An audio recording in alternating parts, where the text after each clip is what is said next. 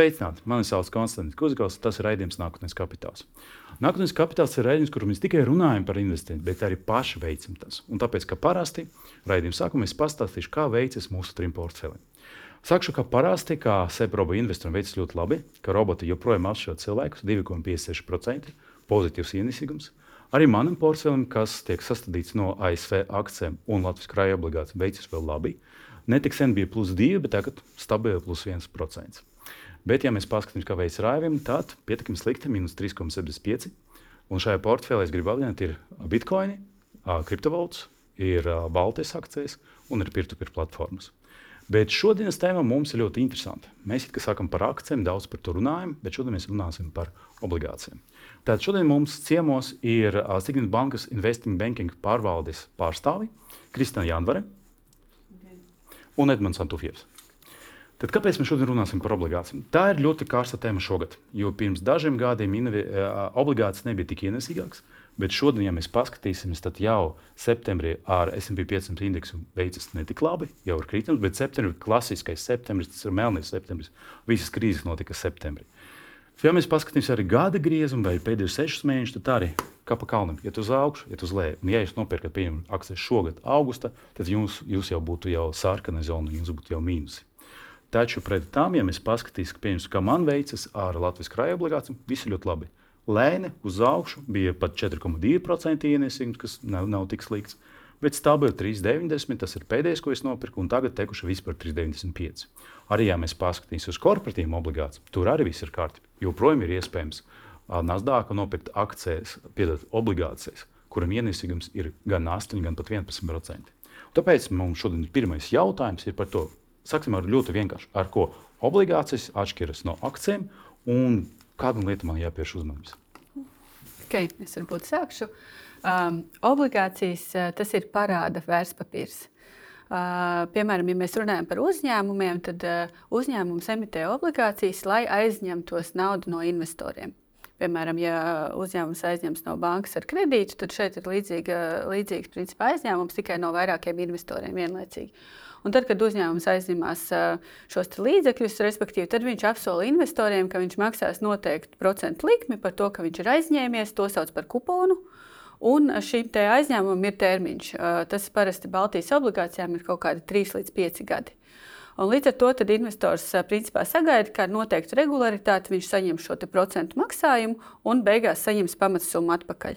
Tas uh, vienīgums, tas ir -huh. viens un tas pats šajā gadījumā, vai tas nav korekti? Uh, nē, tas nav īsti viens un tas pats. Tas ir viens un tas pats tikai tad, ja uh, investors iegādājas obligācijas par cenu, kas ir 100% no nomināla vērtības. Mm. Respektīvi, ja es iegūdu tūkstoti, sagaidu tūkstoti atpakaļ un arī nopērku par tūkstotu cenu. Mm -hmm. Uh, savukārt, ja es nopirkšu ar diskontu tā saucamo, mm -hmm. ja, zem šīs nomināla vērtības, tad ienesīgums būs sagaidāmais augstāks par kuponu likmi. Un savukārt, ja es ar prēmiju pirkšu par cenu virs 100% no nomināla vērtības, tad ienesīgums būs zemāks par to kuponu likmi. Var iespējams nokļūt tāda negatīva uh, situācija, ka, pieņemsim, es nopirku par 100, bet obligācijas uzņēmums ir gatavs izpirkt ar atlaidi ar diskontu.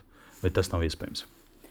Nu, teiksim, uzņēmums nevar vienkārši visu sekt. Ne, tādas situācijas, protams, ir iespējams, tāpēc, ka nu, ieguldot teiksim, obligācijās, sevišķi ja tās ir uzņēmuma emitētas obligācijas, tad tur ir zināms kredīta risks, ja, mm -hmm. kas ir saistīts ar uzņēmumu spēju galu galā atdot šo parādu. Un ir bijušas situācijas nu, visā pasaulē, ja, kad uzņēmumiem tomēr ir radušās kaut kādas finansiālas grūtības, kuru dēļ viņi tomēr šos 100% to parādu atdot nevar. Un tad parasti viņi vēršas pie obligacionāriem un piedāvā dažādas risinājumus risinājums. Reizēm tas risinājums, piemēram, ir mazliet pagarināt grafiku, teiksim, teikt, ok, varbūt pēc gada, mm -hmm. tad mēs jums teiksim, visu varēsim atdot. Uh, citreiz tad nonāk tomēr līdz tā saucamajām restruktūrizācijām, ja, ka teiksim, kaut kādā veidā nākas realizēt, sadalīt obligāciju ķīlu, ja tā ir. Ja, teiksim, nu, tas principā līdzīgi nu, tāds tā kā piedziņas process ja, pret uzņēmumu, Jā. un tad cik nu paliek, tik arī tie investori saņem. Vai Baltijas tirgu ir bijis tādi gadījumi? Ir bijuši, ir bijuši gadījumi, nav varbūt ļoti skaļi. Uh, Igaunijā vairāki emitenti, teiksim, par kuriem ir dzirdēts, kur ir saskārušies ar grūtībām. Protams, arī 2008. gada teiksim, šīs krīzes mm -hmm. rezultātā tad bija arī diezgan, diezgan bet daudz šādu gadījumu. Bet tas nav ļoti bieži, jā, kas, ka tas notiek. Vai obligācijām ir dažādi riska pakāpes? Jo es zinu, ka ir pašvaldības obligācijas, ir valsts un ir korporatīvas. Jo skaidrs, ka visticamāk korporatīvs ir augstākais tas kupons un ienesīgums, bet risks, ja mēs paskatīsim uz to, uz ko labāk konservatīviem investoriem iet, uz ko labāk tagad, agresīvākam iet. Jā, nu, obligācijas, protams, ir ļoti atšķirīgas. Jā, arī tieši skatoties pie, uz risku. Un, ja mēs salīdzinām pēc emitenta, respektīvi, vai tā ir valsts, vai pašvaldība vai uzņēmuma, tad, protams, jā, valsts obligācijas tradicionāli ir ar viszemāko risku. Protams, arī visas valstis nav vienādas. Jā, teiksim, ir Amerika un Vācija, piemēram, kā lielās ekonomikas, kas tiek uzskatītas nu, par tādu bezriska etalonu, ja, nu, kā, kā tāds minimālais teiksim, ienesīgums, ko varbūt investors sagaidītu. Uh, un tad viss, kas nāk pa virsmu, jau Latvija, tomēr ir ar nelielu prēmiju, piemēram, pret Vāciju. Ja, un, Bet kopumā, protams, valstis, mēs kā Latvijas iedzīvotāji, tomēr nu, uzskatām droši vien arī, ka Latvijas valsts obligācijas varētu būt bezriska ja, ieguldījums. Un tālāk jau tad attiecīgi uzņēmumu, protams, ka jau ir kaut kāds kredītrisks, ja, kas saistīts ar to, vai šis uzņēmums spēs vai nespēs atdot. Un tur, protams, arī ir dažādas tās obligācijas. Ir dažādi uzņēmumi, ir lielie uzņēmumi, stabilie, ir valsts pašvaldību uzņēmumi, ja, kā emitenti, kas parasti arī nu, ir tomēr ar zemāku, zemākām likmēm var aizņemties tad ir svarīgi, kādas ir teiksim, šīs obligācijas struktūra. Vai, mm -hmm. piemēram, ir nodrošinājums vai nav nodrošinājums. Uh, Nu, tas ir piemēram, ja jūs aizdodat kādam uzņēmumam naudu, nu, respektīvi iegādāties obligācijas, teiksim, un ja notiek šis sliktais scenārijs, kad uzņēmums nevar, nevar beigās atmaksāt pilnā apmērā, ja, vai kaut kādām grūtībām saskarās, tad nu, ko jūs saņemsiet. Jā, mhm. respektīvi, un ķīla tas ir līdzīgi kā kredītam. Jā, teiksim, jūs iegādājaties mājokli, jums ir hipotekārais kredīts, jūs ieķīlējat savu mājokli. Un uzņēmumi arī viņi aizņemās naudu un bieži vien ieķīlā kaut kādus uzņēmuma aktīvus. Jā, vai tas ir nekustamais īpašums, vai tie ir kaut kādi krājumi, reizēm tās ir kapitāla daļas un, un reizēm nekas. Un tad, protams, no investoru viedokļa, protams, ir svarīgi saprast, ir tur tā ķīla, nav tur tā ķīla. Ja? Nu, tas ir tieši runājot par tiem sliktajiem scenārijiem, ja, ja varbūt nonāk līdz kaut kādai tādai nelīdz galam gaidītai. Krāja obligācijām ir nodrošinājums vai nav? Latvijas eh, krāja obligācijas nodrošināts ar valsts godu vārdu. Okay. Atmaksāt šo parādu. Bet, kā jau zinu, nu, labi, par Latviju mums viss skaidrs, mums ir augsts reizes, bet, ka, ja es nemaldos, Krievija jau bija vairāki defaulti. Jo 98. gads bija tad, kad tur bija liela krīze. Vai mēs zinām vēl par kādiem defaultiem? Nu, mums ap, nu, labi, Krievija tas ir, tas ir austrumi, ja? bet, teiksim, rietumu tirgu vai Eiropu. Nerunās par Argentīnu, kur vairāki defaulti bija, bet vai ir zināmi kaut kādi tādi keisi? Nu, Gan drīz defaults bija Grieķijas valsts obligācijām vairākas reizes, ja tur vairākas restruktūrizācijas ir bijušas. Arī Itālija savā, savā laikā Jā. arī ir, ir vingrojusi ar kreditoriem. Un, protams, Latvija Amerika, kā jūs jau minējāt, tur ir pavisam cita pasaule. Uh, jā, bet nu, no tādas centrāla Eiropas un, un rietuma Eiropas nu, tāda defaulta nav bijuši. Nu, jā. Bet tas klasiskais, tas piks Portugāla, Itālija, Grīsija, Spānija. Tad divus no četriem jūs jau nosaucat, kā ar Portugāliju un kā ar Spāniju. Ne, patiesībā obligāts e, ienesīgums tieši Portugālē un Spānijā. Viņam, viņš šobrīd ir, ir ļoti, ļoti zems. Nu, ja mēs, ja mēs aizjām, protams, gan, gan, gan Spānija, gan Portugāla patiesībā ļoti ieguvusi pēdējos divos, trīs gados, kad turisms atkal ir atgriezies uh, un nu, makroekonomiskie rādītāji tur diezgan stabili. Mēs pieskaramies pie jautājuma par krājuma obligācijām. Jūs jau pieminat kaut kādas augstas likmes, ienesīgumu mazāku. Latvija jau četri stabili. Es paskatījos, ka Lietuva un Igaunija ir mazāka. Lietuva ir tuvāk mums nekā. Bet vai tagad uh, Eiropā ir vēl kādas valsts, kur ir vērsts paskatīties kā alternatīva Latvijas krājuma obligācijām? Kur tas ienesīgums var būt augstāks? Vai principā četri tas ir ok un tas ir vidējs? Vai tomēr tas jau ir augsts līmenis? Jā, es teiktu, ka nu, šobrīd varbūt uh, tāds etalons Vācijas obligācijas mm -hmm. var dabūt ar 2, 2,5, nu varbūt 3. Um, nu, tas tāds zelta standarts, kur ir grūti pārspēt uh, tieši ienesīguma ziņā. Un tad ir nākamā kohorta, ir Baltijas valstis, uh, kaut kāda Rumānija, Bulgārija. Tur, tur tie ienesīgumi ir ap 4, 4,5, varbūt 5. Um, nu, tāpēc jā, tas ienesīgums 4% patiesībā ir, ir ļoti, Augsts. ļoti pozitīvs, jā, ļoti simpātisks. Ok, mēs drusku vēlāk parunāsim par to, vai ir vērts sagaidīt vēl lielāku vai tieši otrādi kritumu. Bet es gribētu atgriezties pie jautājuma par to, vai ir iespējams nopirkt obligācijas lētāk un dabūt vēl vairāk. Tas ir case no Air Baltica uh, obligācijām. Mēs paskatāmies par to, ka jā, viņam tur nomināla vērtība bija ap 100 eiro. Un jau bija divas krīzes. Viņa, viņa faktiski bija krīze, kas ir ļoti skaista. Tas nav viņa, tas ir vairāk ekonomika, lejupslīd, nevis airbaltika problēmas. Tas ir attiecīgi Covid, kad mēs uzreiz ieraudzījām, ka ir kritums. Un tas zemākais, kas tā zemākā cena, par kuru tajā laikā bija iespējams nopirkt, 65 eiro.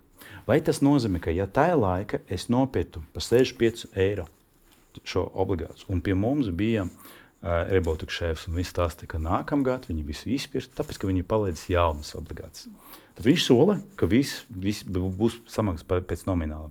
Vai tas nozīmē, ka ja es būtu tik gudrs un atgrieztos atpakaļ pagātnē, un 2000. gada, kad saka, ko es nopirku par 65 eiro, tad nākamgad, kad viņi maksātu 100, es dabūtu 100 nominālu plus vēl viņa kupo, kuponu.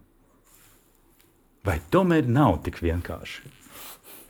Ne, uh, nu, protams, ir ļoti grūti analizēt šo, šo stāstu, kad obligācijas vēl nav nodzēstas. Jā, Jā, mēs, nu, bet es saku, teorētiski viss būs samaksāts. jā, jā. Tad jūs iegādājoties, eh, piemēram, 20. gadā šīs obligācijas par cenu 60, 70, eh, 70% no nomināla, jūs esat izsēdējuši šos 3-4 gadus Jā. līdz dzēšanai. Jūs turpināt saņemt kuponu, eh, jeb procentu, procentu maksājums eh, ar Baltikam, tas ir divas reizes gadā. Mhm. Uh, un, attiecīgi, jūs termiņa beigās, kad viņi nodzēsīs, jūs dabūsiet nomināli, kas šajā gadījumā ir 1000 eiro. Okay, tas nozīmē, ka principā es jau o, dabūšu gan nominālu, gan to cenu starpību.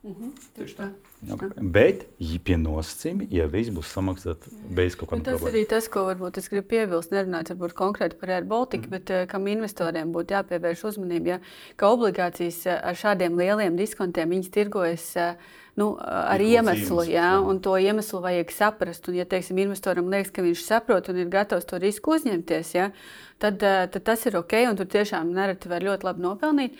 Bet eh, nu, tie līmeņi, kas ir tur cena zem 80, jā, protams, šobrīd ir specifiska situācija, kad mums ļoti strauji ir augušas likmes un daudzas obligācijas mm. tirgo tirgojas ar diskontu. Bet, Bet, eh, ja ir ļoti augsti tie sagaidāmie ienesīgumi, tad parasti tam ir eh, iemesls, un tas iemesls bieži vien ir saistīts ar nu, uzņēmumu potenciālo spēju atg atgriezt šos, te, šos te, nu, aizdevumus, atdot šīs obligācijas. Un, uh, un tāpēc eh, nu, tam būtu jāpievērš uzmanība. Nu, faktiski, ja investori netīs, ka uzņēmums seks pilnībā visas šīs obligācijas, mm -hmm. tad viņi sāk tirgot ar diskontu. Jā.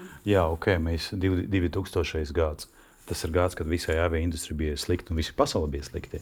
Un tāpēc tas ir skaidrs, kāpēc tā laika bija slikti. Bet, ja mēs paskatāmies, viņam arī bija situācija, ja es nemaldos, 22. gada, tomēr viņi izauga atpakaļ no naudas. Bet atkal mēs skatāmies, ka investori tic un tuvojas jau atkal tam nominālam, un tā kā viss ir kārtībā. Bet es varbūt gribu piebilst, ka um, obligācijām tās tomēr ir obligācijas, kas ir tirgojamas, kas ir listētas biržā, un viņiem vienmēr ir tirgus otrreizējs arī vēl pirms dzēšanas. Attiecīgi, investors ir iegādājies šo obligāciju, pieņemsim par zemāku cenu, par 70. Uh, tad viņš vienmēr var tirgot šīs obligācijas. Nesagaidot to dzēšanas Nesagaidot to dzēšanu tieši tā. Labi, ejam tālāk. Parunās, atgriežamies atpakaļ pie krājuma obligācijām. Nu, ko? De- 3,95. Tas ir 12 mēneši. Mēs investējam tikai uz 12 mēnešus. Tāpēc, ka nu, skaidrs, 4% piecu gadu laikā man neinteresē. Akcijas var pārspēt. Pat man ar jau divu gadu portfeli ir akcijas, kas jau ir lielāku ienesīgumu. Gada laikā tas ir ok. Bet es saprotu, ka tas likmes ir saistīts arī ar, pirmkārt, no ar vēlme, valsts vēlme, jo uh, atradu informāciju par to, ka uh, Ašerāda kungs, kad viņš vēl bija ministriem, tas viņam bija plāns piest 500 miljonus šogad. Jau pāris simts miljonu noteikti jau ir. Bet otra lieta ir tas, tas centrālās bankas kredītlikmes, kā arī tās ietekmē mūsu ienesīgumu. Kā jūs, cilvēki, kas ikdienā nodarbojas ar, ar finansēm, kā jūs paredzat, vai šīs procenties uz augšu, vai viņš stabilizēs uz ilgāku laiku, un mēs principā, ot man jautājums, vai man skriet un turpina tagad, jo tagad ir augstākais punkts, vai es varu mierīgāk, jo es katru otru nedēļu investēju, vai īstenībā man vajag vēl pagaidīt. kā, kā jums liekas, uz augšu, uz leju tas liekas? Nu, Šī noteikti nebūs uh, rekomendācija investēt, Jā, bet uh, es teiktu, ka tagad ir ļoti labs brīdis, lai iepirktos. tieši obligācijās, ne tikai krājuma obligācijās, bet, bet vispār obligācijās kā tādās. Jo bāzes, bāzes procentu likmju nu, tā izskatās, ka šis ir augstākais punkts. Neizskatās, ka ECB samazinās procentu likmes tuvākajā laikā. Attiecīgi, bet neizskatās arī, ka viņas tiks paaugstināts vēl vairāk. Un, ja mēs Un, jau sasniedzam to plato. Jā, jā, to plato. Tad jautājums ir, kurā brīdī tas plato ies uz leju. Citi uzskata, ka tas būs otrais ceturksnis nākošā gadā, citi uzskata, ka tas būs trešais. Bet eh, nu, jāsaprot arī, ka tirgus vienmēr ieceno vienmēr, uh, nākotni.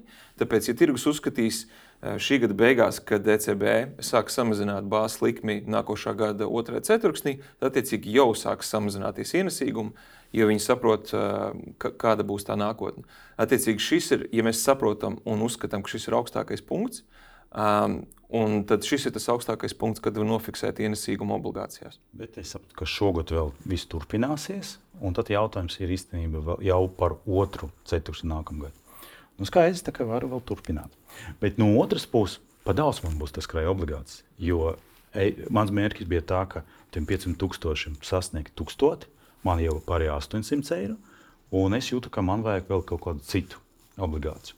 Un tad jautājums ir tāds Kāds jūsu būtu uh, ieteikums, kam, kur man meklēt informāciju par tām obligācijām, vai Baltijas obligācijas, vai vispār? Jo man vispār ir piekļuve pie Interactive Brokers, es tur vienkārši ievedu bonus, tur listi milzīgi, neko nesaprotu, un tad uzreiz baidos to visu mm. skatīties. Bet ar ko man labāk sākt meklēt? Informāciju. Jā, mēs arī vienmēr iesakām um, investoriem, ja investors ir no Baltijas vai no Latvijas, tad viss vienkāršāk un vislabāk saprotamākās investīcijas ir investīcijas tepat vietējos uzņēmumos.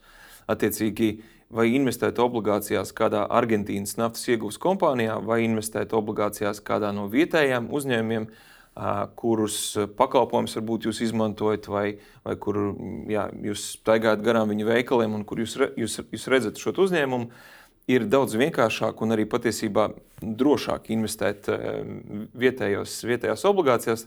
Tad es teiktu, ka īpaši, ja, ja sāk domāt par korporatīvām obligācijām, labāk ir sākt lokāli, mm -hmm. apstīties uz vietējo piedāvājumu, un to vislabāk ir izdarīt Nasdaq Baltica mājaslapā kur tad var atlasīt pēc, pēc valsts un apstīties, kuras, kuras obligācijas ir piemēram emitējuši Latvijas uzņēmumi. Savu mājas darbu es izdarīju pareizi, tāpēc es arī paskatījos. Es paskatījos Nasdaq Baltica, tur ir bonus, angļuiski vai obligācijas. Tur ļoti labi tur var atlasīt pēc tās minimālas vērtības. -hmm. Minimāls, ko es atradu, ir 2,8 eiro, bet principā nav tik daudz. Aptuveni tikai 6 obligācijas ar 100 eiro. Un tad man bija nākamā problēma. Tur ir blakus poga pirta. Ja es viņu klikšķinu, man vienkārši Nasdaq rāda, jums ir jāiet kaut kur. Tā, kā man nopirkt obligācijas? Ar krāju obligācijas man viss ir skaidrs. Uh, Netik sen lasīju, ka Kaspars Pēstins no Investora kluba mēģināja nopirkt obligācijas, un viņam nesanāca. Tāpēc, ka viņam, atšķirīgi no manis, visi tie, tie darījumi ir no uzņēmuma, no Igaunijas uzņēmuma. Man pagaidām viss veicās. Tad, tad kā es varu nopirkt tās korporatīvas obligācijas? Kur? Kā? Es ieteiktu uh, atvērt, jums viena lapa jau ir atvērta, tad skatāmies uz Nasdaq Baltic mājaslapu ar otru, uh, ar otru tabu. Ja, uh, internetu pārlūkā atveram savu internetbanku, tajā, tajā bankā, kur jums ir atvērts brokeru konts. Un skatāmies tās obligācijas, kuras jūs gribat nopirkt Nasdaq Baltikā, un skatāmies, kas ir pieejams jūsu, jūsu internetbankā. Uh, Ne visās internetbankās ir pieejams pilns saraksts ar obligācijām, kas ir iekļauts piemēram Nasdaq Baltikā. Bet uh, visas obligācijas, kas ir Nasdaq Baltikā, jūsu banka varēs iegādāties. Ja, attiecīgi, tas, tas ir jautājums par ērtumu. Mm -hmm. Nevienmēr tas viss saraksts ir pieejams internetbankā, nevienmēr jūs varēsiet nokušņāt, pirkt un, un, un ievadīt, un viss notiks automātiski. Eh, bieži vien, tīpaši par Baltijas tirgu runājot, būs jāuzzvana brokeriem pa telefonu jāizskaidro, ko jūs gribat. Varbūt viņi pieņems jūsu orderu pa telefonu, varbūt viņi pie, pateiks, kādu orderu jāiesniedz internetbankā. Attiecīgi, šis saraksts, viss, kas ir Baltijā, viņš ir pieejams jebkuram Latvijas bankas klientam. Es tikai varu mūsu skatījumam pateikt par to, ka es arī izdarīju mājas darbu, un bija divas bankas, paskatījos. Viena banka ir iespēja lodziņš, kur es varu ievadīt tos kodus, kas tur ir norādīti. Cita - zvaniet. Bet es arī saskaros to, ka pusi tur bija, a pusi tur nebija. Bet man drusku cits jautājums. Runājot par šīm sešām obligācijām, vai man ir jāpievērš uzmanība kaut kādam tur, kaut kāda ir pazīmes, kā es varētu pateikt, ah, šī ir viena kategorija, šī ir otra kategorija. Tāpēc, ka šeit listē es redzu tikai nosaukumu, nominālu vērtību, un faktiski tur vēl ir kupons. Mm -hmm. un, un vēl, un viss faktiski. Vai visas šīs akcijas, piedot, obligācijas, identiskas, vai tomēr man vajag iet katra individuāli un skatīties, kāds tur vēl zem, vai tur ir kaut kāds tā nodrošinājums vai nav nodrošinājums. Vai viņi maksā to kuponu, kā tur ceturksnī, vai tikai beigas, kad, kad būs izmaksāts. Protams, viennozīmīgi ir jāskatās sīkāk, jo tur ir dažādi nozaru uzņēmumi arī tajā sarakstā. Jā, katrs ar savu specifiku, ar savu mm. riska profilu. Tāpēc ir jāklikšķina tālāk, un tad ir arī pašā biržas, biržas lapā ir pieejama gan gan korporatīvā prezentācija, gan teiksim, uzņēmuma finanšu rādītāji, pēdējie finanšu atskaites, gan arī tās pašas prospekts, jā, kas ir nu, kā, kas principā apraksta to, ko uzņēmums sola investoriem. Un arī jāpievērš uzmanība, protams, par kādu cenu tās obligācijas konkrētajā brīdī ir iespējams iegādāties. Jā, vai tas ienesīgums, nu, ko reāli investors var sasniegt, vai viņš ir gana pievilcīgs. Un, un kāpēc tas Nasdaq Baltica ir, ir, ir tik ērts rīks, vienkārši kā informatīvs rīks? Jūs noklišķināt uz to katru obligāciju, jūs redzat eh, eh, nu, ar 15 minūšu nobīdi, eh, līdzīgi kā jūs redzat to arī akcijām, tos pirkšanas un pārdošanas orders. Un, attiecīgi, ja ir kāda obligācija, kur nav ne pirkšanas, ne pārdošanas orderi, nu, diez vai jūs varēsiet iegādāties tādas obligācijas. Iespējams, tā emisijas apjoms ir gaužām neliels, vai arī uh, tur tie investori, kas ieguldījuši tajās obligācijās, ir tur, uh, neliels investoru pulks, kuriem šī obligācija tiek uh, strukturēta, viņi nemaz netaisās viņu tirgot. Mhm. Um, tāpēc nu, jā, šis Nasdaq Baltica rīks ir ļoti labi, lai varētu redzēt uzreiz, un tur var redzēt arī to cenu, pa kādu ir izlikta šie orderi. Okay. Tad tā ir kopsavilkums mūsu skatītājiem, ka, ja es gribu uzzināt kaut ko par obligācijām, atveram Nasdaq Baltica, skatāmies sadaļu obligācijas, ierodam blakus katrai obligācijas viņu kodu, saku noklišķinam, palasam, kas tur ir uzrakstīts par šo kodu un arī kaut kādu prospektu un pēc tam ejam uz savu banku un mēģinām atrast tur uh, sadaļu investīcijas un obligācijas. Un visticamāk, ar augstu varbūt būs arī iespēja to kodu ielikt, un jūs uzzināt, vai es varu viņu nopirkt vai nē. Bet es pētot to visu, es citu banku pamanīju šādu interesantu lietu. Tas ir arī Latvijas krājuma obligācijas. Nomināla vērtība bija 1000, kupons 0,5.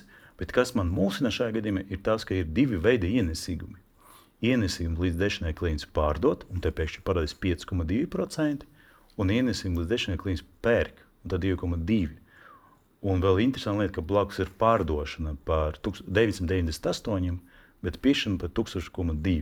Neko nesaprotu. Mm. Tad es dabūju, un palika 47 dienas. Un domāju, ja es tagad investēšu 1000, tad pirmkārt es nevaru saprast, es visticamāk novišu par 1002 bet ienesīgums ir 0,5%. Nu, labi, tas kaut kāda 50 eiro tomēr.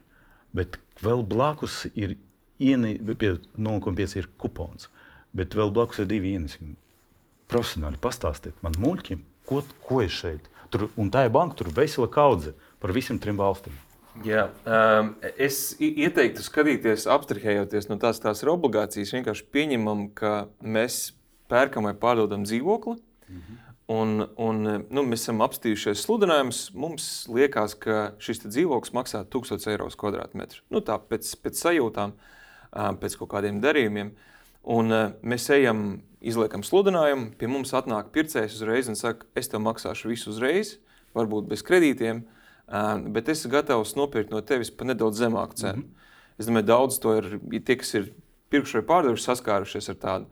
Um, mēs saprotam, ok, es pārdošu, es varbūt zaudēšu nedaudz no šīs te, nu, tirgus cenas. Bet tur nav rītdiena. Jā, bet uzreiz ir pircējs. Un, attiecīgi, ja, um, ja es meklēju uh, pircēju dzīvoklim, pārdevēju dzīvoklim, tad es arī skatos, uh, nu, uh, man gribētos nopelnīt vairāk. Attiecīgi, uh, es, es zinu, ka um, nu, ja es gribu nopirkt šo dzīvokli, tad uh, bieži vien, ja es tiešām gribu viņu, viņu, viņu dabūt, tad man būs jāpārmaksā nedaudz virs tirgus cenas.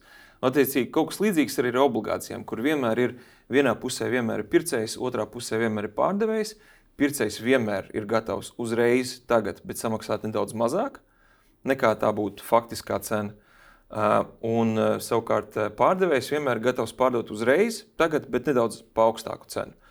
Un, attiecīgi, ja, mēs, um, ja jūs kā investors pārdodat tagad uzreiz nedaudz zem šīs tirgus, tirgus vērtības, um, um, tad uh, nu, šo ienesīgumu jūs nedaudz, nu, savu ienesīgumu jūs zaudējat, bet tas uh, lodziņš, kas ir pa kreisi, tas ir parādīts pircēja ienesīgums, uh, un pircējs nopērkot šo obligāciju nedaudz zem nomināla, viņš, nu, viņš, ir, viņš nopelnīs 5,2%. Uh, šis ir gada izteiksmē, mm -hmm. ja, 47 dienas. Uh, viņš, viņš iegādāsies par tādu. Savukārt, ja jūs uh, vēlētos pirkt, ja, pirkt nedaudz virs, virs nomināla, tad jūsu ienesīgums gada izteiksmē būtu 2,2%. Bet kupons 0,5 un ienesīgums ir 5,2 vai 2. Es kaut ko nesaprotu starpību. Jā, nu tur jāsaprot, ir, vai šī konkrēta obligācija iespējams, ka viņu nodzēsīs par nedaudz augstāku cenu nekā, nekā 1000 eiro. Ļoti iespējams, nu, tas diez vai notiks 47 dienu laikā, bet bieži vien obligācijām ir pirmstermiņa atmaksas opcija, kad valsts šajā gadījumā viņa, viņa var pateikt, ka mēs negribam gaidīt 47 dienas. Nu, citos gadījumos tas ir 10, 20, 30 gadi. Mēs gribam atmaksāt tagad. Un, un visbiežāk šo te, par šo atmaksu tagad um, uzņēmums vai valsts nedaudz piemaksā investoram. Tādēļ nu, šis ienesīgums varētu būt augstāks nekā nomināli. Tas nozīmē, ka ja es tagad samaksāšu 1000 eiro, tad faktiski jau mazāk nekā pēc pusotra mēneša es dabūšu vismaz klāt 2,2%. Bet šis ir gada izteiksmē. Tas nozīmē, ka, ah, nē, tad, tad, tad dalām tos 360 reizes. 47. Tad, bet tas būs tuvāk tam kuponam noteikti. Okay. Hmm, kā bankieri mums mulsinā. Ok, bet labi, ejam tālāk. Jūsuprāt, kam kādam obligācijam man būtu vērts tagad pievērst uzmanību? Es saprotu, ka jūs nevarat dot kaut kādas bankas rekomendācijas, tāda klasiska izteiksme, pērciet to vai nē, vai nepērciet to, bet vismaz kāda virziena man vajag domāt. Vot, vot es joprojām domāju, kā pie Latvijas krājuma obligācijas vai kādu korporatīvu. Redzēju, kā šogad bija Storentam, ja nemaldos. Ļoti labs tāds piedāvājums arī Cleanēram bija. Bet vai mēs varam kaut ko sagaidīt arī tuvākā laikā, kaut kas būs, jo Signbanka arī pietiekami daudz aktīvi piedalās ar obligāciju un, un, un jūsu ieteikumi. Varbūt sākšu. Ar... ieteikumiem, kurš nevar pasniegt. tā kā ne ieteikumi, bet vairāk tādas tā kā. Um, nu, pirmkārt, es domāju, ka ir vērts skatīties uz publiskajiem obligāciju piedāvājumiem, kas parādās jauni teiksim, tirgu. Un, jo tas ir tas veids, kā arī mazajiem investoriem, ka viņi var piedalīties jau sākotnējās izvietošanas laikā, jau, jau šajās emisijās. Un arī vienmēr ir pieejama diezgan daudz informācijas, kas ir viegli saprotama, ir diezgan plaši gan masu mēdījos, gan arī nu, teiksim, caur biržu. Un, uh, parasti tā informācija arī tiek pasniegta tādā veidā, ka viņi ir vieglāk arī uh, tādam vienkāršajam investoram, kas varbūt nav profesionāls, arī saprast, kas tur tiek teikts. Līdz ar to tas varbūt ir pirmais, uz ko skatīties.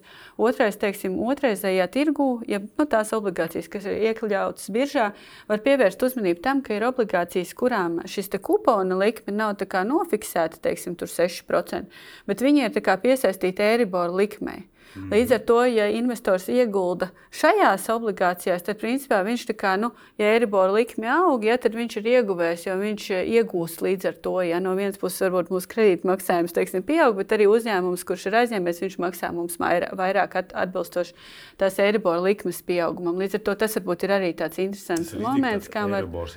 Jā. Nu, tas ir tad, kad Eiribors iet uz augšu. Jā. Līdz šim tas ir bijis ļoti interesants. Un, un šajā rudenī viennozīmīgi būs jauna obligācija emisija aktivitāte. Gan mēs paši zinām, ka mums teiksim, plānojās jaunas obligācijas emisijas, gan arī visdrīzāk citas bankas, kas, kas organizēs. Viens no uzņēmumiem, kas plāno arī ar publisko emisiju, iet ir Eleving Group, kas jau to ir izsludinājuši. Mm -hmm. Tā kā principā aktivitāte būs, investori var sekot līdzi, un, un tad varbūt kāds sev atrod kaut ko tādu, kas, kas liekas pieņemams un interesants. Kāda ir tagad tendence? Uzņēmuma ies, un tas likmes principā būs 7, 8, 9, 10 vai tomēr 4, 5. Jo tomēr, nu, katru, jūs, es domāju, ka jūs analizējat katru nākamo to obligāciju to reizi, kad, cilvēki, kad uzņēmēji e, paziņo par to, ka viņi tūlīt ies uh, tirgu ar šādu piedāvājumu, ka šis piedāvājums kļūs izdevīgs, tāpēc ka viss nauda kļūst dārgāka. mēs principā tagad labs korporatīva pasaulē. Septiņi, desmit vai, vai, vai četri. Jo par uh, krājobligāciju mēs parunājam. Četri ir ok. Arī ja mēs paskatīsimies, un arī ja mēs aiziesim druskuļi atpakaļ un paskatīsimies, cik ir šeit, tad tur ir ļoti liels svars. Bet tur arī var būt obligāts, kas bija pirms dažiem gadiem. Tāpēc tur no, no 0,5 līdz augstākais, ko es redzu, pat 11%. Man tagad tā, zemāk par 11 pat nav vairs ieguldīties to laika. Kā, kādas tendences? Atgriežoties vēl, vēlreiz pie sarunas par bāzes likmi, nu šobrīd tiešām ir ļoti augsts punkts, gan arī obligāciju ienesīgumos. -hmm. Tādēļ uzņēmumi, tie, kas grib piesaistīt investoru uzmanību, viņiem ir jāpiemaksā par šo. Jā. Un, protams, ja, ja bāzes likme ir nu, krājuma obligācijas, ir zem, nu, bez riska alternatīva, ja tā bāzes likme ir 4%, nu, tad attiecīgi korporatīviem uzņēmumiem uh, ir jāpiemaksā, lai iegūtu investoru, investoru uzmanību. Un es teiktu, ka nu, tāds, tā vidējā temperatūra šobrīd tirgu būtu nu, bez 8, 9, uh, ir baigi grūti kaut ko, kaut ko izdarīt. Un es uzreiz precizēšu tagad, jo mēs saprotam, ka kupons un ienesījums ir divas dažādas lietas. Jo kupons ir zemāks nekā ir tas ienesījums. Ja iet, ot, man ir skaidrs, krāja obligāts 4% gada pēc gada es dabūšu 4%. Ja 4% trīs gadus, tad es katru gadu dabūšu 4%. Bet tas krājobligāts ar korporatīvu kupons pieņemsim 5%. Un uh, tas, tas periods trīs gadi. Tas arī nozīmē, ka es 5% katru gadu dabūšu. Vai tomēr tikai tad, kad pēc trim gadiem es dabūšu plus 5%? Nē, tas ienesīgums ir, ir svarīgi uh, ka jūs nopērkat obligāciju, ja obligāciju pirkšanas cena mm. ir identiska ar obligāciju nominālu vērtību. Jā. Nu, parasti ir vai nu 100 eiro vai nu 1000 eiro. Ja jūs iegādājaties obligāciju par 1000 eiro, tad jūsu ienesīgums līdz dzēšanai būs identisks ar kuponu likmi. Okay. Attiecīgi, Tas nozīmē, ka 1000 plus 5.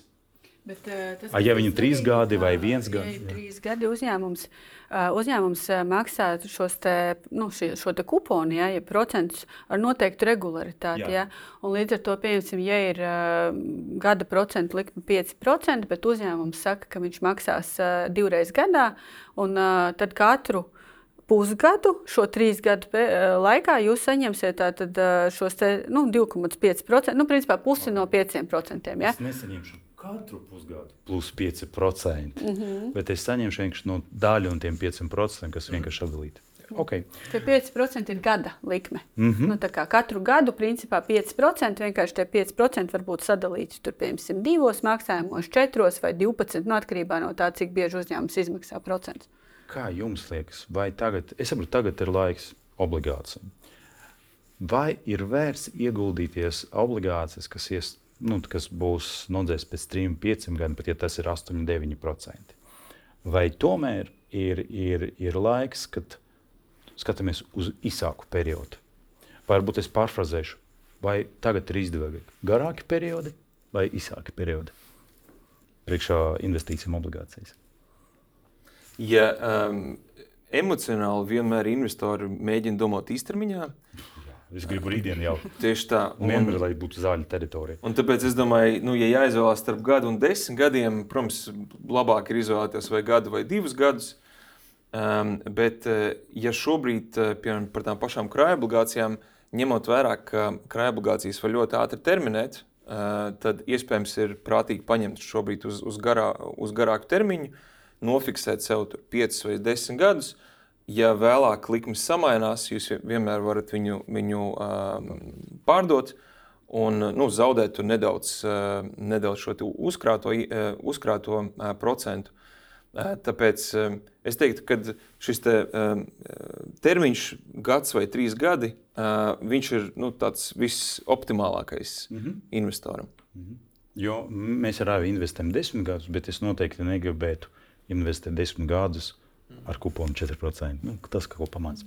Bet, bet, es redzu, jā, bet katram investoram, protams, ir jāskatās arī no savas personīgās perspektīvas, ja, pēc cik ilga laika viņam varbūt vajadzēs to jā. naudu, kādam mērķim. Tas, protams, arī ietekmē to, uz kādu termiņu konkrētajā brīdī nu, esi gatavs ieguldīt. Kaits. Nu, un raidījuma noslēgumu mūsu skatītājiem, kas ir tikai sāku savas investīcijas, un viņam principā ir 50 līdz 100 eiro. Kāda būtu jūsu padome, ar ko viņam jāsāk tieši ienākt obligātu pasaulē? Nu, mans padoms, laikam, būtu sākt ar krājuma obligācijām. Ja daļa no portfeļa krājuma obligācijas jau ir ieguldīta, tad var apstīties biržas mājaslapā un apstīties, kāda, kāda vēl ir citi, citas opcijas. Bet, diemžēl, ar 50-100 eiro obligācijās nu, šī izvēle, tas, tas, tā izvēle, ko, ko jūs rādījāt, nu, ir gaužām neliela. Jā, tās ir sešas obligācijas. Bet savukārt, ja var uzkrāt un nedaudz, nedaudz pagaidīt, piemēram, sasniegt to 1000 eiro, um, tad tā izvēle ir gaužām, gaužām lielāka. Tur ir kaut kādi 40, 50 vārdi. Un tur ir ļoti labi un lieli pazīstami mums uzņēmumi, tepat Latvijā, uh, kurus, uh, nu, kuriem uzticās, kuriem finanšu rādītāji ļoti labi. Uh, tāpēc nu, mans, ienesī, uh, mans uh, ieteikums laikam, ir sākt ar krājuma obligācijām. Mm -hmm. Un, ja ir vēlme iet korporatīvajās, tad iespējams tad labāk ir nedaudz uzkrāt, sasniegt šo 1000 eiro un tad jau apstīties plašāk. Kristian? Es principā pilnībā pievienojos Edmundam. Tas, kam es varbūt varētu arī ieteikt, pievērst uzmanību, ir, ja investors startē obligācijās ar salīdzinoši mazām summām, tad uh, vajag arī noskaidrot, kādas ir komisijas uh, veicot šo darījumu. Jo, Uh, bankām nereti ir šī minimālā komisija Jā. par darījumu, kas nav procentos no darījuma, bet kas ir kaut kāds minimālais absolūtais cipars. Un, teiksim, ja jūs pērkat obligāciju uz 100 eiro, un jūsu komisija, piemēram, ir 6 eiro par darījumu, tad principā jūs 6% samaksājat nu, bankai. Un, Līdz ar to tas ir tāds moments, nu, kam diemžēl ir jāpievērš uzmanība, lai pēc tam nav kaut kāda nepatīkama pārsteiguma beigās. Es absolūti piekrītu, un arī tad, kad es veicu savas investīcijas, tad šeit es parādīju, ka man veicās. Bet ir jāatzīst, es vienmēr pirku par 50 eiro. Tas nozīmē, ka pie tiem 3,9 vai 4% es vēl samaksāju 36 centus par bankas pārskaitījumu, kas īstenībā jau ir 3,6%.